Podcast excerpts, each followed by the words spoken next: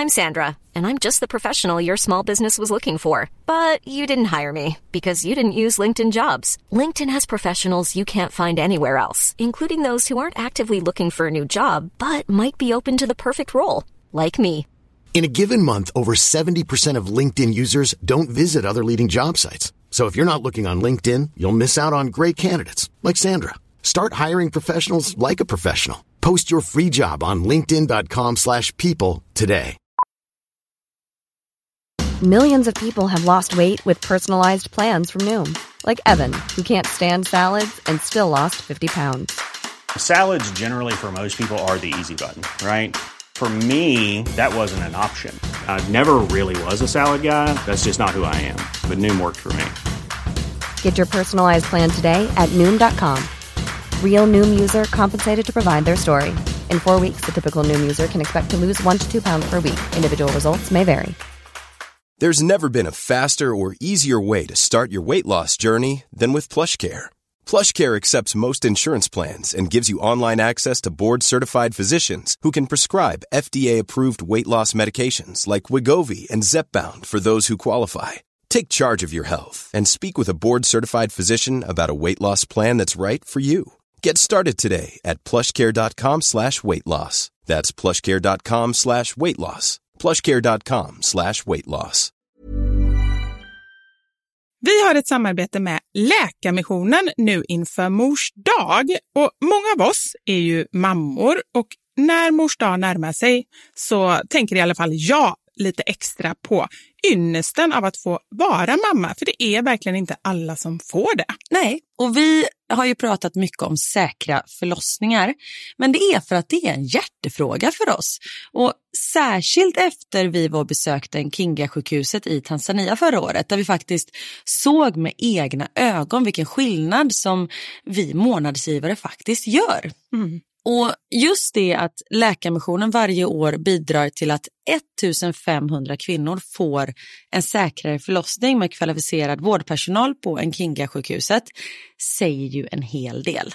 Ja, ja, men det var verkligen som att poletten trillade ner när vi var där. Och vi har tänkt jättemycket på just det, hur vi förmedlar det här till er. Alltså vilken skillnad man som månadsgivare faktiskt gör. Men det är svårt. Verkligen. Det är svårt genom ord att göra det, men vi hoppas bara att ni genom att höra oss berätta tar det som ett tecken på att nu är det dags att bli månadsgivare, om du inte är det.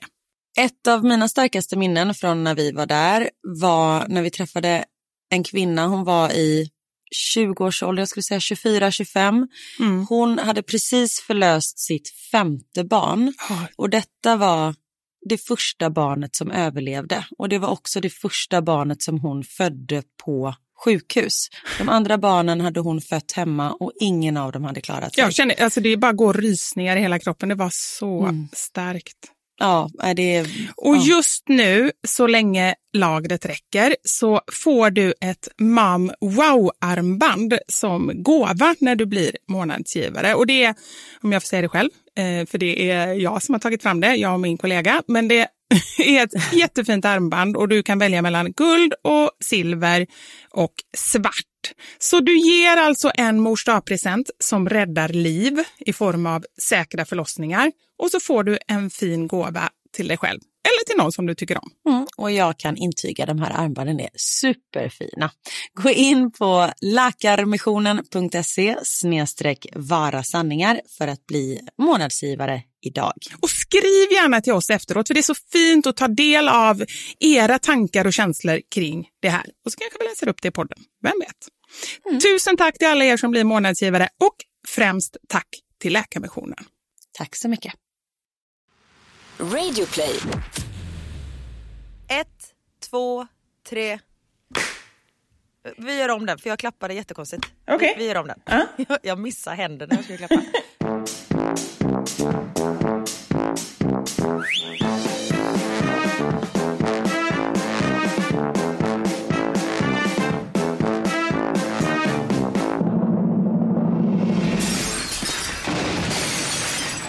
Mamma Sanja med Vivo Karin. Ja, välkomna hit till oss och till mig ännu en dag i paradiset här på Sardinien. Ja, du har det varmt och gött har jag förstått det som. Ja, men vi har det jättebra. Jag är ju här med min mamma. Men att jag kallar det paradiset, det är egentligen en liten flört med hur vi har det här. För att vi har skojat lite om, mamma har sagt att det här är ju långt ifrån paradiset för det har hänt en del eh, saker på den här resan som hon tycker har varit lite besvärliga. Ja, men alltså, jag har ju följt er resa på Instagram, på Instastory och jag tycker att jag ska vara ganska glad att ni ens lever och att du och jag kan podda överhuvudtaget. Alltså vad i helvete håller ni på med? Förlåt min svenska. Ja, men grejen är ju så här att vi är ju på en väldigt, väldigt lugn resa. Vi gör ju inte många knupp och vi tar ju oss inte på många ställen. Men de få ställen vi har försökt att ta oss till har ju gått åt skogen. Så det har ju blivit äventyr av någonting som var tänkt att vara väldigt oäventyrligt. Kan man uttrycka sig så? Ja det kan man göra men bara att ta sig till ert hus eh, höll ju på att gå käpprätt åt skogen. Ja men grejer, alltså jag kan inte förstå hur det kunde bli så. Jag var ju väldigt mån innan om att liksom se till att jag hade GPS, allt skulle vara inställt på rätt sätt. Eftersom, och det är också väldigt mycket eftersom mamma är, hon har ju gångsvårigheter. Så att jag var ju livrädd liksom att bli stående på någon väg ut i någon bush och liksom så här, typ att bilen går sönder eller något sånt där. Så jag var så himla mån om att allting ska, vi ska åka den största vägen. Det skulle enligt Anders ta en och en halv timme från flygplatsen till då Bades Vesi som då är en liten by där vi har köpt en lägenhet tillsammans med våra kompisar. Mm. Så att vi åkte ju hit för att liksom bara ta det lite lugnt.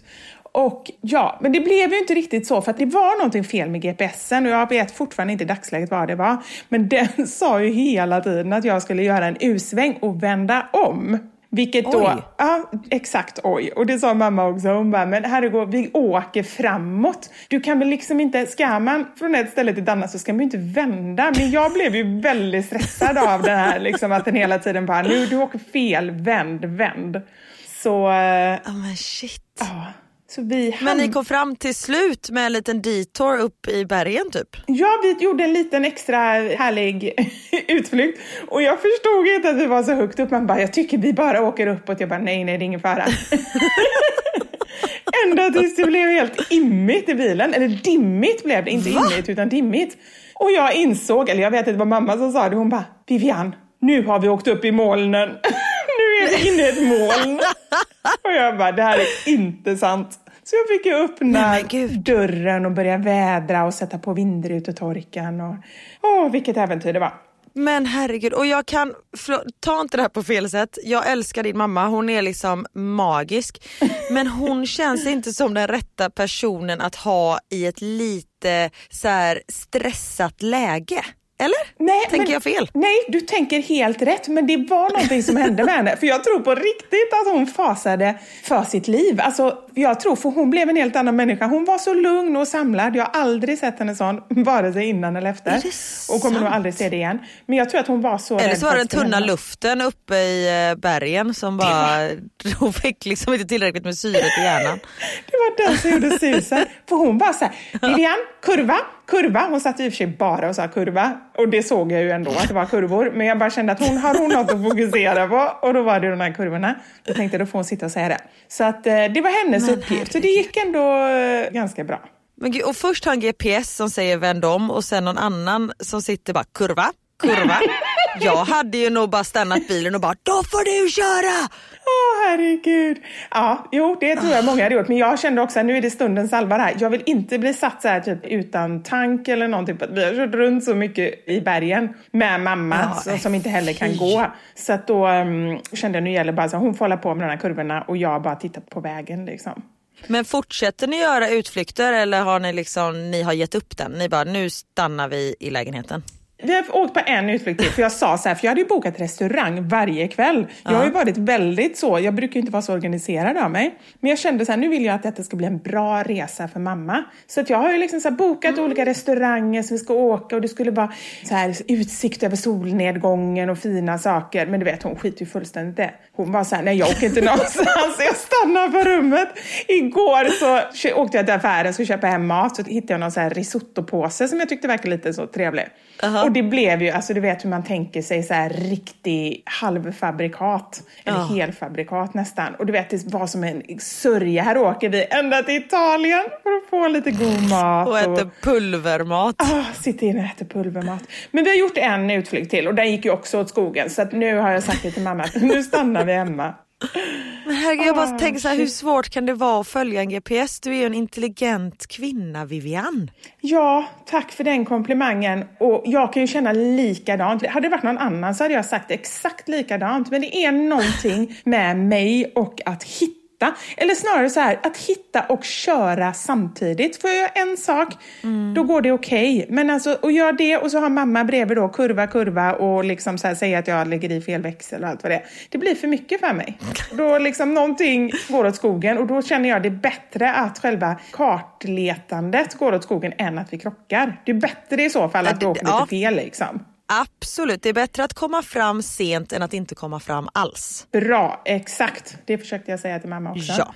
Men ja, så att det, vi, men vi har väldigt roligt här nere. Hon har ju fått Dille nu på att vara med på Insta stories som du kanske har märkt. Nej men alltså hon måste ju få ett eget Instagramkonto. Hon kommer ju gå om dig i följarantal på en kvart. Ja, ja men på riktigt, hon skulle ju... Få, Om skulle det nu gå- är en tävling, det vet jag inte. Nej, nej, men jag tror att hon är väldigt likable för hon är ju verkligen precis som hon är. Hon skiter ju fullständigt i hur man ska göra och vilket faktiskt under min, nu gör jag ett litet eh, avstick här, men eh, under min uppväxt så har ju det varit någonting som, nu tycker jag det är fantastiskt och bara så här, i de flesta hänseenden, inte alltid, men då kan jag ändå känna så här, ah, men mamma hon är som hon är och liksom jag kan skratta lite åt det och, och med det och liksom så här. Men du vet under uppväxten och ha en mamma som bara så här, hon har ju aldrig kunnat några, vad kallar man det, seder och bruk, alltså du vet så här vett och etikett eller Ja. åh men nu tackar man här eller så säger man hej eller så skålar man och tittar man på varandra. Så hon har aldrig kunnat någonting sånt och du vet man växer upp och är själv så här 17-18 och försöker lära sig och liksom passa in och smälta in så har ju det varit ganska tufft. Nej, men hon kör sitt egna race och det är just det, varför hon skulle få många följare. Och jag tror att i dagens samhälle, alltså man förstår inte det förrän man ser någon som verkligen gör det på riktigt. Något som är otroligt ovanligt. Din pappa är också sån. Han kör ju också, han bryr sig inte Ja. vad folk tycker och tänker. Ja men verkligen. Nej, men bara klippet du la upp på din mamma i morse när du sitter och filmar henne till frukost och så har hon liksom tröjan så som min treåring lyckas med. Både ut och in och bak och fram. Man är så här, hur lyck är det ens möjligt? Och du bara, mamma du har tröjan ut och in och bak och fram. Ja, men vet du vad Vivian? Den uppfyller sitt syfte. Den håller mig varm. Vad gör det om lappen sticker ut? Man bara, ja faktiskt. Vad fan gör det? Ni sitter och äter frukost på er balkong. Ja, ja, och men det är det man inser så här att, och hon har ju väldigt mycket likheter med små barn. Det har faktiskt hennes neurolog sagt. Hon har ju en hjärnskada så hon, hon, hon säger det själv så här, ja, ja, jag är som ett barn. Det är därför jag passar så bra med barn.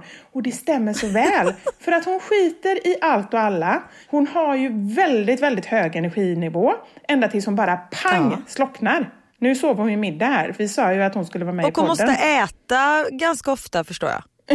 hon vill ha mat var tredje timme. Annars så tycker hon att det är men hon, uruselt. hon är ju ett barn. Ja, men hon är det väldigt mycket. Och jag tror att det, i vårt samhälle så är det så befriande med någon som bara skiter i allting. Så att, Ja. Eh, ja, hon skulle gå om mig, men hon skulle ju aldrig få till det. Hon säger det, Vivian, då får du hjälpa mig. Så jag har försökt här nu att liksom gå igenom steg för steg om hon ska publicera egna filmer. Och jag har till och med skrivit upp, och inte nog med att jag skrivit text hur man gör. Tryck på huset, då kommer man ju tillbaka. Ja. Nollställer man ju liksom Instagram, då kommer man ju till starten liksom. Då ritar, ja. ja, då ritar jag ett hus till och med. Alltså jag har varit så otroligt pedagogisk. och ändå är det så här, Vivian, var är jag någonstans? Då har hon kommit utanför Instagram-ikonen, då hittar hon ju inte den igen. Så att det är liksom, eh, jag vet inte hur detta skulle gå till. Hon säger det, du får efterlysa någon i Kortedala som kan hjälpa mig. Gör det på din Instagram. så hon tycker jag ska lägga upp Va, ett... lös det.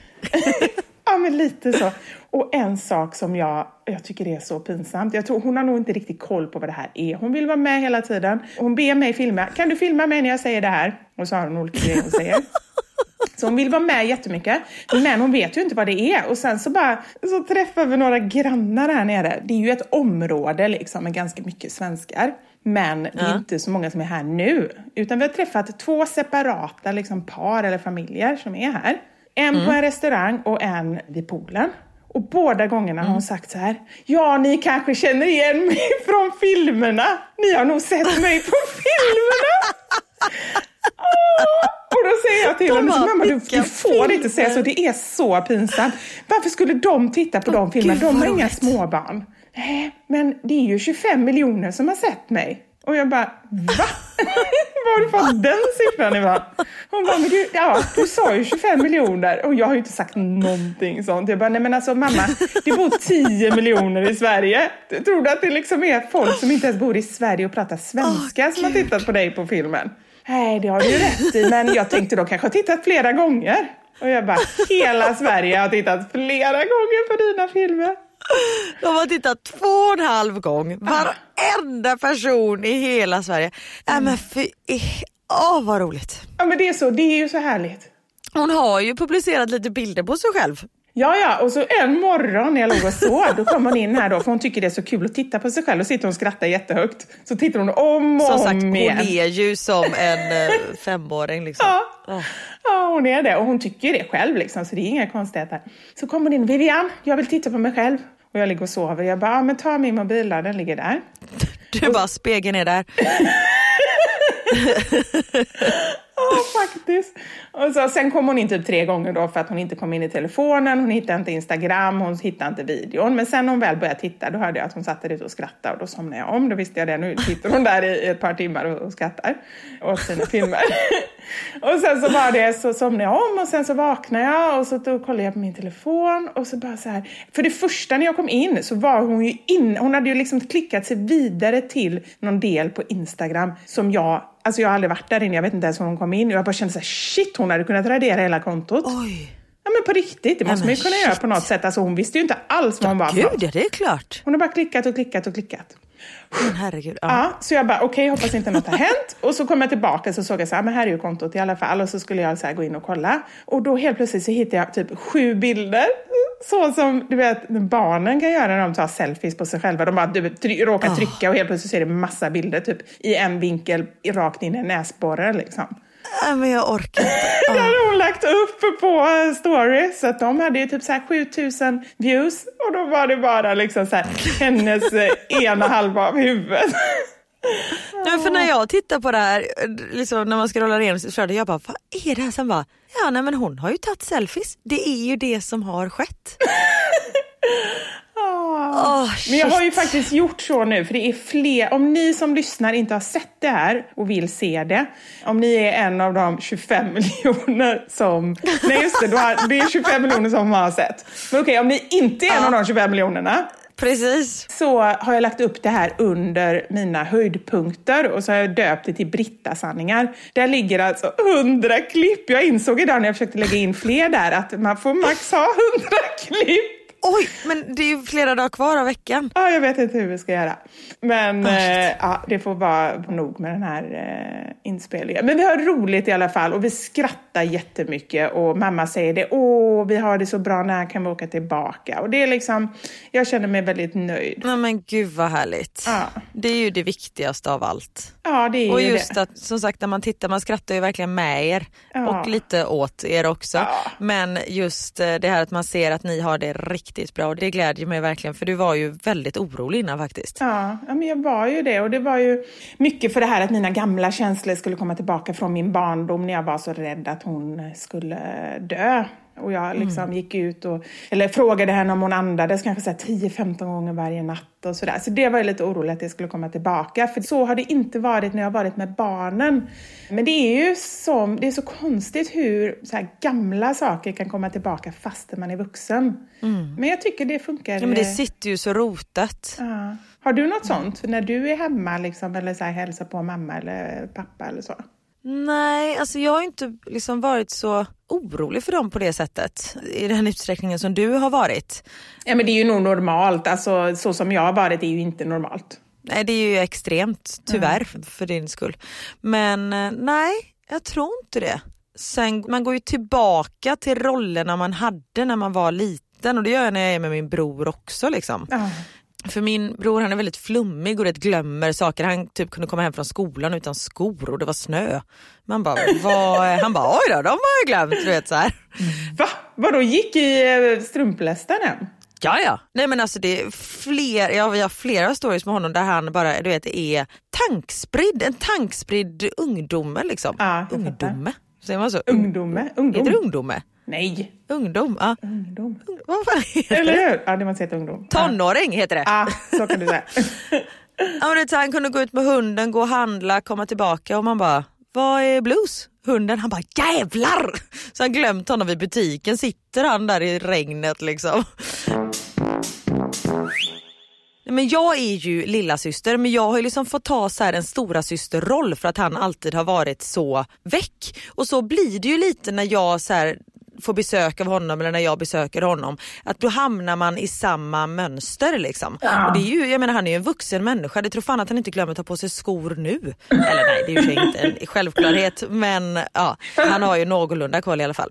Fast det just det här, liksom så här att om man skulle glömma viktiga saker som att glömma barnen. Alltså det finns ju någon form av, jag skulle säga hos nästan alla, hur förvirrad man än är. För jag är också förvirrad. Jag har ju glömt, jag har varit och handlat hur många gånger som helst och kommit hem och bara, vad är maten? Då har jag ju glömt den i affären. Alltså sådana grejer. Men jag skulle, ja ja, och det har jag ändå tänkt att det är väl inte så himla onormalt. Men jag har jättemycket att tänka på. Det är barn och det är kort som ska med och allting. Det är inte så lätt. Det är lätt att gå förbi maten och bara gå iväg. Men var har du ställt den då? Nej, då har den legat kvar. Det är ofta när man handlar lite färre saker. Jag kan ju inte handla liksom så här storhandla och bara gå ifrån maten. Då skulle de ju bara ropa på en. Men liksom så här att det är bara tre, fyra saker så bara betalar jag och så har jag barnet i barnvagnen så jag har bara gått liksom. Ja, ja, men till exempel en sån grej. Men jag tror att det är ju inte heller på liv och död. Men de grejerna som Nej. verkligen är viktiga kommer man ju ihåg. Jag har i och för sig tagit ut pengar ur en bankomat och så här, knappat in koden, skrivit hur mycket pengar jag ska ha, kortet kommer ut och sen gått. Men då kom personen bakom mig och bara ursäkta mig ska du ha dina pengar? Jag bara eh, ja tack, de kanske jag ska också. Det var ju schysst. Men jag tror att de har nog Ja, ändrat det. För jag tror att det har hänt mig också. Men nu så, jag har tänkt på flera gånger, så måste man ta ut kortet först. Eller i och för sig, just det. Nu blir jag snurrig. men det var ju det som hände, det, det är så. kortet. Ja, kortet. Just det, man kan, inte, man kan inte glömma kortet, man kan glömma pengarna. Så är det ja. Ja, precis. Det är ju bättre i och för sig. Ja, ja Det är men bra att glömma något. precis. Det är värre att glömma, om man inte tar ut supermycket pengar så är det värre att glömma kortet. Ja, precis. Karin, en sak som jag tänkte på när vi var lost där uppe i de här bergen. Och det var ju att jag är glad att det ändå var fint väder. Det var ingen regn och absolut inget snö. Och då tänkte jag faktiskt på våra sponsorer, Continental Däck, som vi har med oss även den här veckan. Ja, det är ju eh, väldigt, väldigt bra. Continental Däck har kommit med ett nytt typ av däck som heter Ice Contact 3. Och med de här däcken så får man eh, inte mindre än 10% bättre grepp på is. Mm. Och de är ju också de bästa däcken. Och det vet vi ju för att de har vunnit flera olika däcktester nu i september. Bland annat Teknikens Värld, Bäst i test, med motiveringen Precis. totalt överlägsen på snö och is. Det är ju den motiveringen man vill ha. Ja. Man vill ju vara bäst på det. Ja, så är Så det. är det riktigt gött. Och en annan sak som jag tycker verkar väldigt bra med de här däcken, det är att de ger mindre buller i kupén. Det vill säga att det låter liksom inte så mycket, för just när man kör med vinterdäck, då kan det ju låta hur mycket som helst. Och har man ett litet sovande barn där bak, då vaknar ju ungen Ja. och då är allt förstört. Nej, det är det inte. Men det är ju inte roligt att ha en skrikande unge i bilen. Så det är också en väldigt bra grej med de här däcken. Och sist men inte minst, någonting som är fantastiskt och det är ju att det blir mindre vägslitage. För det är så, dubbdäck, det är de absolut säkraste typen av däcken att ha på vintern. Men de kan också slita på vägarna. Och med de här Ice Contact 3 så blir det mindre vägslitage utan att kompromissa med säkerheten. För att de har nämligen en helt ny typ av dubb som istället för de här vanliga aluminiumkropparna har ett hölje av gummi som bidrar till att bli 20% mindre slitage på våra vägar. Det är ju hur bra som helst. Så om ni där ute går i däcktankar nu inför eh, vintern och jag menar den första snön har redan fallit i Sverige så det är ju hög tid att ta tag i det här. Då går ni in på continental.se. Där kan ni läsa mer om de här Ice Contact 3 och där hittar ni även er eh, återförsäljare. Så tack Continental för att ni var med oss den här veckan. Tack så mycket!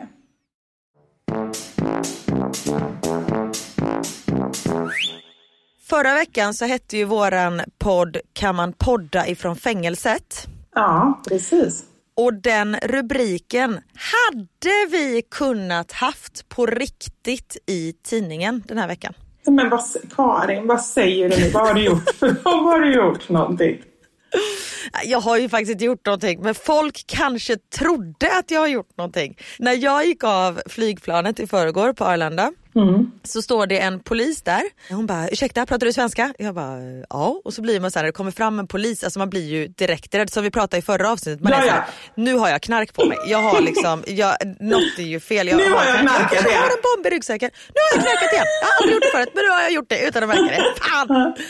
Nej, jag bara, eh, ja hon bara, vi håller på att träna våra eh, så här, knarkhundar, skulle du kunna hjälpa oss med en grej? Jag bara, okej, okay. vad ska jag göra? Då var det så här, måste jag ta knark? Jag har aldrig testat. Hon bara, nej men vi har, skulle du bara kunna gå helt naturligt? Jag bara, mm, redan där har vi ett problem. Och sen har den här väskan på axeln. Jag bara, eh, okej. Men så blev jag så här, Nej men Karin, Alltså, jag alltså, får- du skämtar. Jag har aldrig hört talas om att någon gör något konstigt knarktest. Nej, jag vet, och det är klart att detta händer mig. Det, är ju inte, liksom, det händer ju inte vem som helst. Men så jag bara, och så fick jag så här tankar att jag bara, okej, ska jag gå? Och jag bara, ah, kommer du gå bredvid? Eller hon bara, jag går strax bakom dig. Jag bara, för fan jag är ju lite så här, alltså folk kan känna igen mig och om de ser att det typ hoppar upp en stor schäferhund på mig och bara välter ner mig och står liksom och biter i mitt byxben för att jag inte ska fly. Och sen så här piketstyrkan kommer och brottar ner mig på marken och håller fast mig som träning. Det vet ju inte folk som ser detta. Så jag blev så här, alltså det kan, någon kan ju se, ta en bild och sen typ skicka till Aftonbladet och då blir det, de måste podda från fängelset för Karin har åkt fast för narkotikainnehav typ. Ja, men alltså gud, ja. Men vet du vad jag känner nu bara spontant Karin? Det hade ju varit jättebra publicitet för våran podd. Nästan... All publicitet är bra publicitet. Absolut. Men jag vet inte riktigt hur jag skulle vilja ha den på liksom Ja, men i lite mitt får du ställa upp. Mm. Kan inte du ta den istället? Jag tar nästa konstiga grej, det kan jag lova. Det vet Du du. tar den. Ah, okay. Då har du en upp på mig. Nej, eller jag har en upp på dig. Nej, men så, och då skulle jag liksom fråga henne det här fast du vet formulera mig lite fint så det inte är så här, ursäkta jag är superkänd, äh, det här får inte komma ut i tidningen. Så Nej, jag men gud, vad pinsamt. Eh, jag är, ja, men så här, hur fan ska jag säga det här utan att låta som värsta idioten? Så jag bara, eh, alltså hur kommer det här se För jag är, alltså jag är lite offentlig och jag vet inte, kommer liksom folk reagera? Hon bara, eh, nej ingen kommer reagera. Jag bara, eh, okej, redan där stod det så här idiot i något Ja. annat. Så jag bara, Men, "Ha, men okej." jag måste fråga, tror du att hon kände igen dig? Det kanske var därför de valde dig? Det tror jag inte. Då skulle hon inte fråga om jag pratar svenska. Nähä, frågan om det. Okej, det missade jag, den lilla Ja. detaljen. Ah, Ja. okej. Nej men så det tror jag absolut inte. Folk Mm. känner inte igen mig längre. Alltså det var ju 12 år sedan jag var med i Let's Dance. Nej, men det är nog Och väldigt olika. Jag har gjort Antingen TV så... men det... Jo, nej men antingen så är man liksom, jag tror att det finns två läger. Vissa känner igen det jätteväl och andra gör inte det. Liksom. Man vet ju inte. Ja för det, det är ju sig fortfarande folk som bara, ska du vara med i Let's Dance i år igen? Man bara, nej det var ju 12 år sedan jag var med. så länge sedan? Jajamensan Ja, men på riktigt, det är det. Så känner jag också. När vi började ha kontakt, då, jag trodde att det var tre år sedan kanske som du var med. Alltså jag kan inte förstå att det var 12 år sedan. Man vill inte erkänna Nej. det, för att då inser man att man själv är gammal liksom. Jag vet. Ja. Nej det är lite sjukt. Men i alla fall så packar hon upp en väska som ligger liksom i typ 17 olika påsar. En så här cerisrosa handväska som jag får liksom ta på min jacka men så här ha liksom på axeln. Hon bara, nu ska du gå helt naturligt. Jag bara, absolut. Var ute började gå passgång för jag blev så stressad. Mm. Så då går jag fortfarande på den här eh, ja, liksom bron eller vad heter det, tunneln som går från planet till eh, terminalen. Ja, jag vet exakt. Och, så, Ja. och jag vet ju inte vad det är för hund som ska komma. Är det en dobermann som är så här blodtörstande som bara vill hugga hälsenan av mig? Men fram kommer liksom en jätteglad, den var så glad, en typ springer spaniel, supersöt och hoppar upp på mig direkt. Alltså det var som att den, den kände ju den här doften på jättelångt avstånd. Så den hoppar upp på mig och det står och viftar med svansen jättemycket. Och folk så här tittar tittar ju lite men som tur var var ju polisen bakom mig. Så hon bara, ah, tack så mycket. Så jag bara, ah, okej, okay. jag bara, vad duktig hunden var. Och så försökte liksom prata lite högt så folk skulle fatta att det var en övning. Jag bara, oj vilken duktig knarkhund som tog den här övningen på första försöket. För ja, det var ju absolut inte min väska. Nej, nej, nej, det skulle jag aldrig göra. Cerisrosa är ju inte min färg. Ja, typ så. Men det var det jag kände också. Jag tänkte på det, så jag måste fråga det. Att även om inte det är liksom tidningar eller så här, det är ju skitpinsamt bara bland vem som helst. Om du, gick du med alla andra passagerare då och så hunden och allting? Ja, nej men det var ju hur mycket folk som helst. Och så, mm. liksom, så de bara tack så mycket och sen typ gick de åt andra hållet. Jag bara okej okay, tack. Men sen kommer jag att tänka på, jag har ju haft den här väskan på mig. Ja. Tänk om det står riktiga knarkhundar lite längre fram för då kanske jag fortfarande luktar. Hur förklarar man den bara? Nej men de hade en övning där borta så jag fick ju knark på mig som en annan hund skulle nosa upp. De bara, äh, men det går ju inte. Och just vi som pratar om det här, alltså alla de här rädslorna för knark och så ska du gå med knark. Alltså herregud. Ja men hur sjukt? Ja. Och jag, liksom, jag blir så här, tänk om min jacka fortfarande luktar. Tänk om jag åker fast nu ikväll när jag ska åka hem. Nej men du får skaka den Karin. Du får gå ut och skaka den nu. Mm, för det ah. tar ju bort all knarkdoft. Om alla langare hade vetat det, att bara du skakar jackan lite så luktar den inte mer. ah, nej men, alltså, det är ju flera dagar efteråt. Knarkare, det är ju själva knark när man går igenom. Jo, jo, jag tror att det funkar att skaka. Det är inga problem. Okej, okay. Ja, jag tar det från proffset. Jag ja. får eh, lita på dig, att det är så det är. Dr Vivi har nu också blivit eh, El Professore Vivi som kan allt om knarkhundar. Det är väldigt, väldigt skönt ja. att jag har dig. Som ni vet så har vi ju Barnfonden med oss hela hösten vilket vi är jätteglada och stolta över. Och vi har ju eh, vårt egna lilla fadderbarn hos dem. Ja, Alfia, hon har ju nu precis fyllt fem år och eh, bor i Etiopien tillsammans med sin eh, mamma och pappa och tre stycken systrar. Mm, och det känns eh, fantastiskt att man kan eh, hjälpa till, både stort och smått. Och I förra veckans avsnitt så frågade ju vi er om ni har några frågor och det har ni verkligen haft. Ja. Vi har fått in massa frågor. Och vi tänkte att idag så ska vi ta upp några av de vanligaste frågorna och sen så kan ni alltid läsa mer på barnfonden.se. Precis, och den absolut vanligaste frågan vi har fått är ju hur blir man fadder? Och då, det är superenkelt, man går in på barnfonden.se och där bara man anmäler sig till att eh, bli barnfadder. Mm. Och man kan också kontakta Barnfonden via telefon och mail om man eh, hellre vill det. Och när man anmält sig så får man ett välkomstpaket med information om sitt fadderskap och man får också ett foto på sitt fadderbarn tillsammans med information om barnet och barnets familj och arbetet som bedrivs i området. Sen är det flera stycken som har frågat om man själv kan välja fadderbarn och land. Och mm. som fadder så har man möjlighet att välja vilket av de länder som Barnfonden då arbetar i som man vill att eh, sitt fadderbarn bor i. Och man kan välja ungefärlig ålder på barnen och man kan också välja om man vill att det ska vara en pojke eller flicka. Och det här är ju möjligheter som är helt valfria. Vi har inte valt någonting. Vi sa bara att vi vill gärna hjälpa ett barn som behöver hjälp. Men där kan man ju till exempel en sak som jag tänker på att det är bra att ha kanske ett barn som är ungefär i samma ålder som ens egna barn. Just för att de ska kunna relatera och att det verkligen ska kunna bli en fadderkompis. Mm. Helt riktigt. Men som sagt, det är helt valfritt. Man gör precis som man vill. Mm. Vad innebär då ett fadderskap? Det är några som har frågat. Och som fadder har man möjlighet att följa sitt fadderbarn från när de är jättesmå tills han eller hon eh, gått ut skolan och tagit liksom steget ut i vuxenlivet. Och man kan brevväxla med sitt fadderbarn och på så sätt så lär man ju känna barnet och familjen bättre. Och många faddrar besöker till och med sina fadderbarn och då hjälper Barnfonden till att arrangera det här mötet så det behöver man liksom inte arrangera själv utan det får man hjälp med vilket är ju toppen. Och det fick jag in ett meddelande jättefint från en mamma som hade två egna barn och eh, ett fadderbarn och de har då nu valt att åka och hälsa på det här fadderbarnet. Hon sa att det var en fantastisk upplevelse just att kunna dela med sina barn, att verkligen så här, få träffa det här barnet. Det är en sak att ha kontakt via brev och så men att eh, det hade varit väldigt uppskattat i familjen också. Mm, det förstår jag. Bara kunna se liksom vad man har gjort för skillnad. För det, ja, man gör ju faktiskt stor skillnad när man har ett fadderbarn, när man skänker pengar helt enkelt. Ja.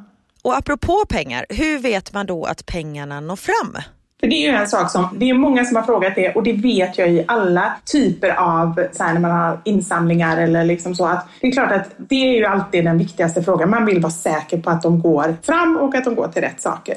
Mm. Och Barnfonden har nära samarbete med de partners som eh, genomför utvecklingsarbetet i länderna. Och både Barnfonden och de har noggranna system för att säkerställa att pengarna verkligen når fram som de ska och används på det absolut bästa sättet. Och så fort pengarna lämnar Sverige ska mottagaren, som alltid är någon av de här samarbetspartnerserna, bekräfta att pengarna tagits emot. Och just det att det är ett 90-konto också, bara det är ju en kvalitetsstämpel. Ja, verkligen. Och en sak till som är bra att veta, det är också att Barnfondens styrelse arbetar helt ideellt. Det vill säga att de har ingen lön eller andra ekonomiska förmåner. Så man vet att de gör verkligen det här för barnens skull. Mm. Så tack så mycket för att ni är med oss, Barnfonden. Och vill ni veta mer eller teckna ett fadderskap så går ni helt enkelt in på barnfonden.se. Åh herregud, och nu har du varit och spelat in eh, Bäst i test, eller hur? Stämmer bra, stämmer bra. Jag får inte berätta vad jag gör men jag kan säga att jag har bett om ursäkt, varit täckt i blod, lekt med satsumas, gömt mig, rullat. Alltså man gör så fruktansvärt konstiga grejer. Det, alltså det som jag känner med det programmet det är ju att man skulle nästan vilja göra en egen version. Skit i att man är med i TV eller inte. För att det är så roligt. Det känns ju som en sån grej man skulle kunna göra på en fest. Liksom, olika utmaningar mot varandra. Alltså det är så roliga saker. Ja men verkligen. Och det som är så bra, för jag tror att jag messade dig, för du messade mig så under inspelningen, hur går det? Jag bara, jag har gjort bort mig totalt Ah. på en grej. Ah. Men sen efteråt blev jag så här, fast man kan ju typ inte göra bort sig. Det känns ju som man gör bort sig där och då. Ah. För jag skulle liksom, det hade med bollar att göra och jag har inget bollsinne, så kan vi ju milt uttrycka det. Ja. Och då så hade det med bollar att göra och du vet det gick, nej men jag var så dålig så till slut det var så här, jag bara nej men jag, det är inte ens roligt längre utan jag är bara, jag är så röten på det här så det är sinnessjukt. Ja. Så efteråt man bara fy fan sen bara Fast de ska ju inte visa de här 20 minuterna jag hade på mig och så ser man liksom hur dålig jag är. Utan de kommer klippa ihop det och det kommer ju bli bra. Och det är ju som sagt det som är bra med det här programmet. I vissa grejer briljerar man, i andra grejer är man röten och sen i vissa grejer gör man bra TV. Ja, men jag tänkte just säga det att ofta också de gånger man är riktigt dålig och verkligen inte kan tänka. Alltså de klippen som jag har sett som har varit sådana, de är ju också de roligaste. För då känner man bara såhär, men Ja. shit, alltså det är ju bra TV. Så att det är så man får försöka se det. Ja men precis, men ibland förstår man inte ens vad som står i brevet. Man bara, vad betyder det här ordet? Och du får nästan säga om man inte har sett programmet, vad då för brev? Förklara lite så att man Ja. Det här programmet går ut på att man ska göra massa olika tester. Alltså idag gjorde jag test nummer 104 till exempel. Så då fattar man ju, alltså det är hundratals med tester som man ska göra. Och då, man kommer ut och så står David Sundin som är en av programledarna tillsammans med Babbe Larsson. Står David, räcker en ett brev. I det här brevet kan det stå Få den här tröjan att bli så lång som möjligt. Du har 100 sekunder på dig från och med nu. Man bara okej, hur ska jag lösa det här? Eller bada utan att bli blöt. Alltså, det kan stå precis Mm. vad som helst så man har liksom ingen aning. Nej, alltså jag skulle bli så stressad. Ja, Att det Ja är men på det, det tid. blir man. Ja, men att de Ja. bara så här börjar nu, att man inte ens får tänka innan. Det gör ju mig stressad bara Nej, och då det. har man ju inte ens läst brevet typ. Och Nej. det är därför man är så fruktansvärt trött efteråt. Alltså igår på kvällen, jag var helt färdig. Ja, för, man, för det första det. vet man inte vad man ska göra så man vet liksom inte hur man ska ladda upp. Mm. Inför varje test, jag vet inte om testet kommer hålla på i tre timmar eller tio sekunder. Mm. Jag vet inte hur lång väntan det är emellan testerna. Jag vet inte hur många tester det är. Alltså jag vet ingenting. Och alla du vet är så här, ja det är dags för eh, KB nu. Alla bara, ja KB. Jag bara KB, vad fan är det? Kantarellboxning. Alltså man bara så här försöker komma på någonting liksom. Men vilka är alla? Är det någon som jobbar med programmet eller vad är det för folk? Det är ju folk som filmar vet du, för det ska ju sändas på TV. ja men du, Jag- alla säger det. Det låter som du har ju publik. inte- Nej men alltså man är ju team på typ 10 pers i alla fall Ja. hela tiden. Mm. Vad jobbigt det hade varit om de bara, fan vi glömde filma. det Nej men så igår, efter, du vet när man så slappnar av, jag bara helt, Ja, helt död. det. Men så var det bara att ta nya tag idag. Och det är ju så sjukt kul. Så man får ju så mycket energi och alla är ju så fantastiska som man jobbar med så man får ju energi av alla människor också. Men ser eh, som sagt det tar på krafterna. Ja, jag förstår det. Jag ser fram emot att få se det här i vår. För det är i vår det kommer, eller hur? Ja, precis. Och vill du höra en till sjuk grej? Ja, jag ja. bokade hotell för att bo en natt i Stockholm mellan inspelningarna. Mm. Och då tar jag liksom av alla hotell så tar jag ett hotell som var liksom men helt okej pris, låg i centrala Stockholm, ett liksom helt vanligt hotell. Så kommer jag dit så de bara, ja så får du äta i vår eh, belgiska restaurang nu på kvällen också. Jag bara, av alla hotell i hela Stockholm så jag har bokat ett belgiskt hotell typ. Och du vill bara ha- oddsen? Jag vill ju bara från Belgien. Ja. Det är därför jag kommer hit. Men vadå, vad blev det då? Blev det så här och öl eller vad var det något? Ja, men det var ju det de hade, precis. Moules frites och öl det var ju deras grej. Men jag köpte med mig sushi och låg i pyjamas och eh, låg liksom i hotellsängen och käkade och åt massa godis. Du vet så här när gommen är helt sönderfrätt av allt godis när man ska sova. Inte frätt utan frätt! Frätt! Den var sönderfrätt. Ja, men nu är jag så van vid göteborgska här när jag är. Jag känner att jag har kommit ännu mer in på det nu när jag umgås med min mamma så intensivt. Alltså jag har ju typ svårt att fatta vad hon säger ibland för att hon pratar så grov göteborgska och då pratar jag också ganska grov göteborgska. Ja, nej, nej, där är kattedåla och goa grejer. Det är bara sånt hela tiden. Ja, hon är magisk. Men du, jag måste backa bandet igen och fråga. Är detta det mest pinsamma du har gjort liksom i tv-väg? Ja, men det är inte så pinsamt. Nej. Jag tycker inte det är pinsamt alls faktiskt. Och jag är inte rädd för att göra bort mig. Men är inte det någonting också lite som har kanske har kommit med åldern? För det tycker jag själv. Jag var mycket, mycket mer rädd för att göra bort mig bara för liksom 10-15 år sedan. Jo men så är det nog. Men nu är jag liksom, vad, vad- det är väl skitsamma. Alltså, det, idag jag har ramlat, jag har snubblat, jag har varit totalt värdelös. Alltså, man, det är ingen idé att stressa upp sig för sånt där. Nej. Så pinsamt tycker jag faktiskt inte att det är. Och som sagt jag är inte rädd för att göra bort mig. Mitt motto är ju man måste våga misslyckas för att lyckas. Ah, bra. Och då går det åt helvete ibland. Men jag funderar på vad jag har gjort som är pinsamt i TV. Jag har tackat nej till ganska många program som är liksom pinsam, alltså som man skulle kunna göra bort sig. För jag tänker ofta så här, vad vinner jag på att vara med i det här programmet? Nej, ingenting. Ah, Låt nej, nej, men det fattar jag. Ah. Förutom typ Fångarna på fortet som bara är så här kul. Ja. Men har jag gjort bort mig där? Jo, i Fångarna på fortet har jag gjort bort mig. Jaha, vad har du gjort då? Eller jag, jag har inte gjort bort mig, så här, gjort bort mig, gjort bort mig utan jag har bara verkat väldigt oskön. Jag är ju sån tävlingsmänniska. Så var det någon säsong som det var stora syskon mot småsyskon. Ja. Så jag och Daniel, min storebror, fick upp till Forell och få en gåta. Och då så var typ gåtan, vad blir lättare ju mer man fyller på?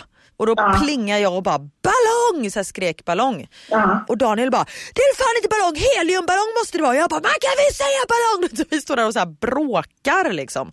Jag fick rätt för ballong kan jag också säga. Ja. Men just att jag verkar otroligt eh, oskön för att jag blir så tävlingsinriktad. Eh, liksom. Och då kanske också din eh, attityd lite gentemot Daniel, precis som du säger, att han är ändå en av dem som man kan vara med familjemedlemmar, som man verkligen så här, kan säga vad man tycker till. Och att Ja, du precis. då var med i TV och gjorde det, det är klart att då blir du kanske... Ja, Ja, jag fattar. lite mer. Men det kanske inte var så pinsamt. Men vad har du gjort som är pinsamt? Alltså jag tänkte egentligen på en helt annan sak, men den var inte så pinsam. Det var bara det värsta TV-ögonblicket. Och usch, det var så himla hemskt. Ska, vilket ska jag ta mest pinsamt eller det? det, det Eller hemska? båda kanske? Eller båda. Kan ta. Ja, Okej. tack. Ja, men vi börjar med det som var mest pinsamt. Och då kommer jag avslöja en, en konstig grej. Som jag inte vet om det är konstigt. Alltså ärligt, jag har ingen aning. Så nu blottar jag mig totalt här. Äh, nu får Karin- du berätta, nu fattar jag Ja. ingenting. Ja. Nej, men Karin, har du haft såna här analkramper någon gång? Oj.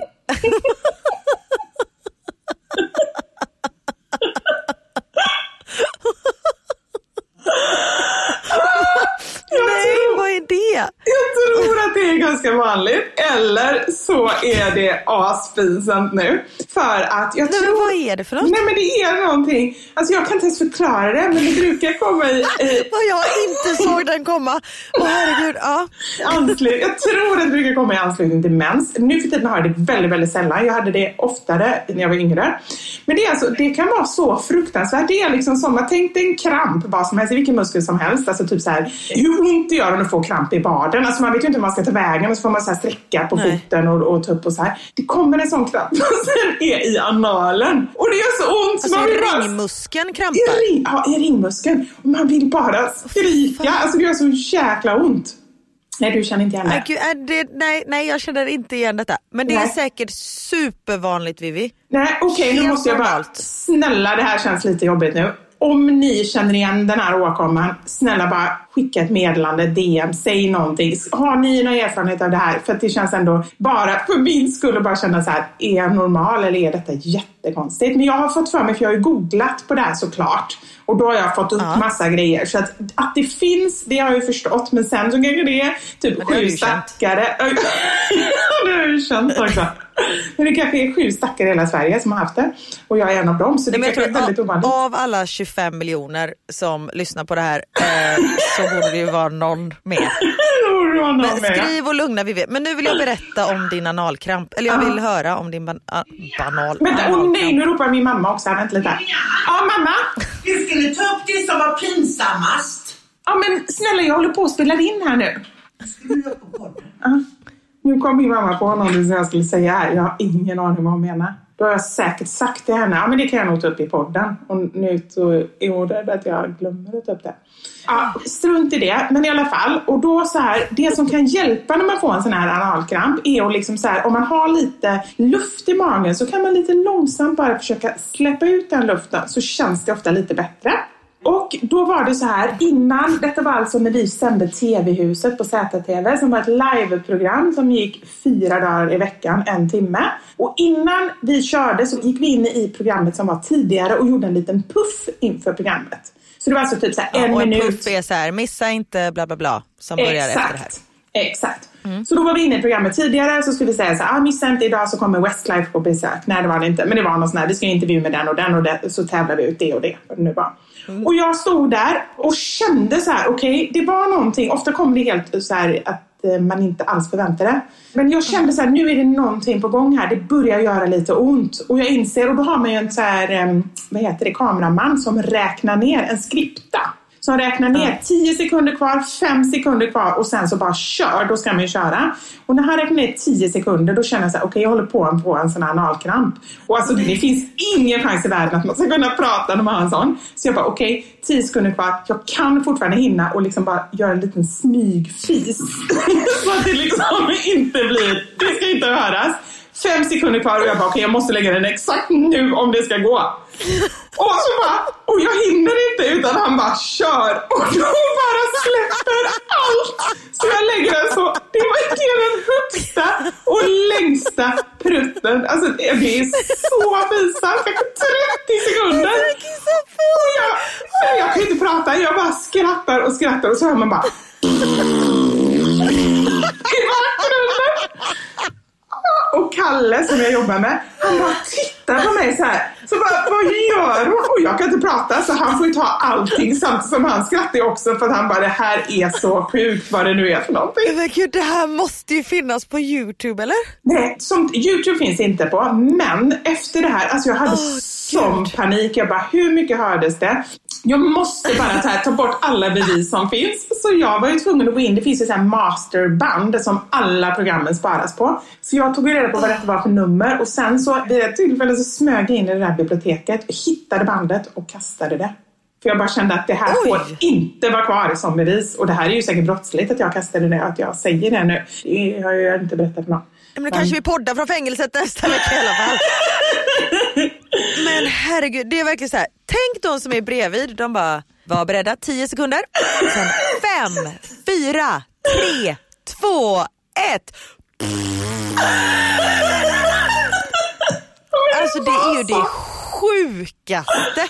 Alltså det var så pinsamt. Det var ju mycket folk som jobbade. Så det var ju folk i kontrollrummet och det var ju liksom kameramän och Men vad skriptor sa och alla ljud. efteråt? Nej men alla var ju såhär, jag var ju tvungen att berätta och bara säga nej men jag kunde inte hålla mig. Skulle, jag berättade ju inte om den här analkrampen men jag berättade att, jag, Det att det gjort blev lite fel. men jag kan ju inte dölja det liksom. Oh, men shit. Ja. Oh, gud, vad var den andra grejen då? Alltså bräckten? Ja, nej men den andra grejen var inte alls på det här sättet. Inte pinsam, bara hemsk. Bara en hemsk, hemsk, hemsk upplevelse.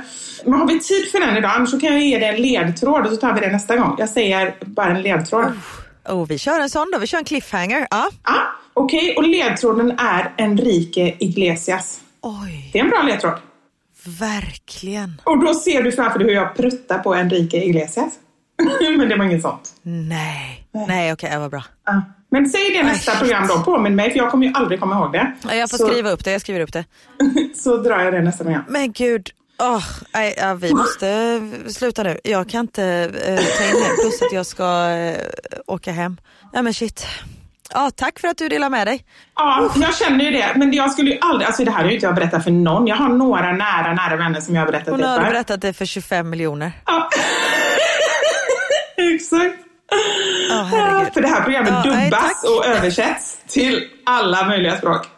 Ja, precis. Man kan lyssna på oss i Finland också. Nej, men herregud. Ah shit. Nej, nu ska jag faktiskt hem och eh, Max fyller år idag. Ja, han fyller på riktigt idag, fast ändå inte. Eller var det igår? Ja.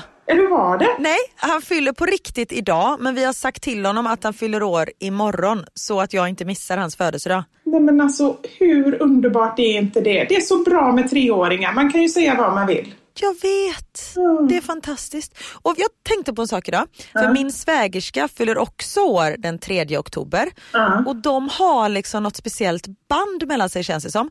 Under förlossningen, eller när jag födde Max, så eh, liksom vi höll på att ha kontakt med familjen och höll på att smsa och sånt där liksom, och berätta hur det gick. Och sen så slutade vi höra av oss när det blev för intensivt. Och då mitt i natten 04.08 så skickar min svägerska ett meddelande. Hur går det? 04.08 i Max född. Nej, är det sant? Ja! På minuten! För det såg vi sen efteråt när vi gick igenom sms. Vi bara, men gud 04.08, det är då han föddes. Och exakt, och de har samma födelsedag. Och du tror inte på um, övernaturliga saker, har du sagt till mig. Bara detta är ju ett bevis på att någonting är det ju. Sen om man tror på Ja, andar eller inte. Men, ja. Men visst är det coolt för då vaknar hon mitt i natten och bara, nej men nu måste det nog ha hänt någonting. Det är ju häftigt. Ja. Ja, så nu ska jag hem och eh, Paw Patrol-pynta hela vårt kök. Så Max kommer ner imorgon bitti till Paw Patrol-himlen. Är det hans favvo just det- nu eller? Det är det som gäller och han har ingen aning om vad det är. Det är hans eh, kompis Jonathan på hans förra förskola som älskade Paw Patrol. Så då bestämde sig Max för att också gilla Paw Patrol. Men han har liksom aldrig sett det på TV. Hä, hur kan man ens missa det även om man vill tänkte jag säga. Jag tycker det var överallt. Nej, ja, alltså det är ju grejer överallt men jag har aldrig sett det på TV heller. Vi har väl inte den kanalen. Nej, nej men så måste det vara. Ja. Men jag kom på, vi har ju inte, vi har inte gjort veckans mammasanning. Nej men det har vi inte gjort. Men du, Ja. jag tror vi får spara den till nästa vecka. ja, för vi har haft så mycket fullt upp här med analkramper och eh, andra saker. Ja, precis. Ja, nej, men tiden rinner iväg vet du. Men nästa vecka, då är vi i samma stad och det ser jag väldigt mycket fram emot. Att få träffa dig och podda ansikte mot ansikte. För det är något speciellt tycker jag. Det är det absolut. Det blir eh, roligare så. Jag saknar dig. och eh. Vivian, du får ha det så bra och hälsa Britta så mycket och njut av de sista dagarna på Sardinien. Ja, det ska vi. Tack så mycket. Och tack alla ni där hemma som har lyssnat och som följer oss både här och i våra sociala kanaler.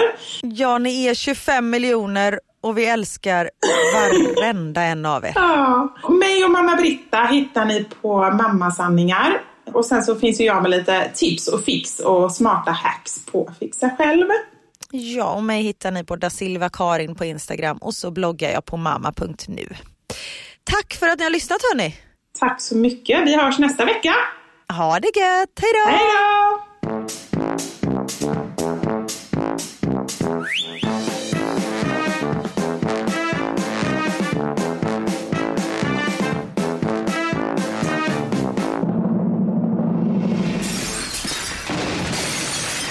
Mamma Sanja med Karin.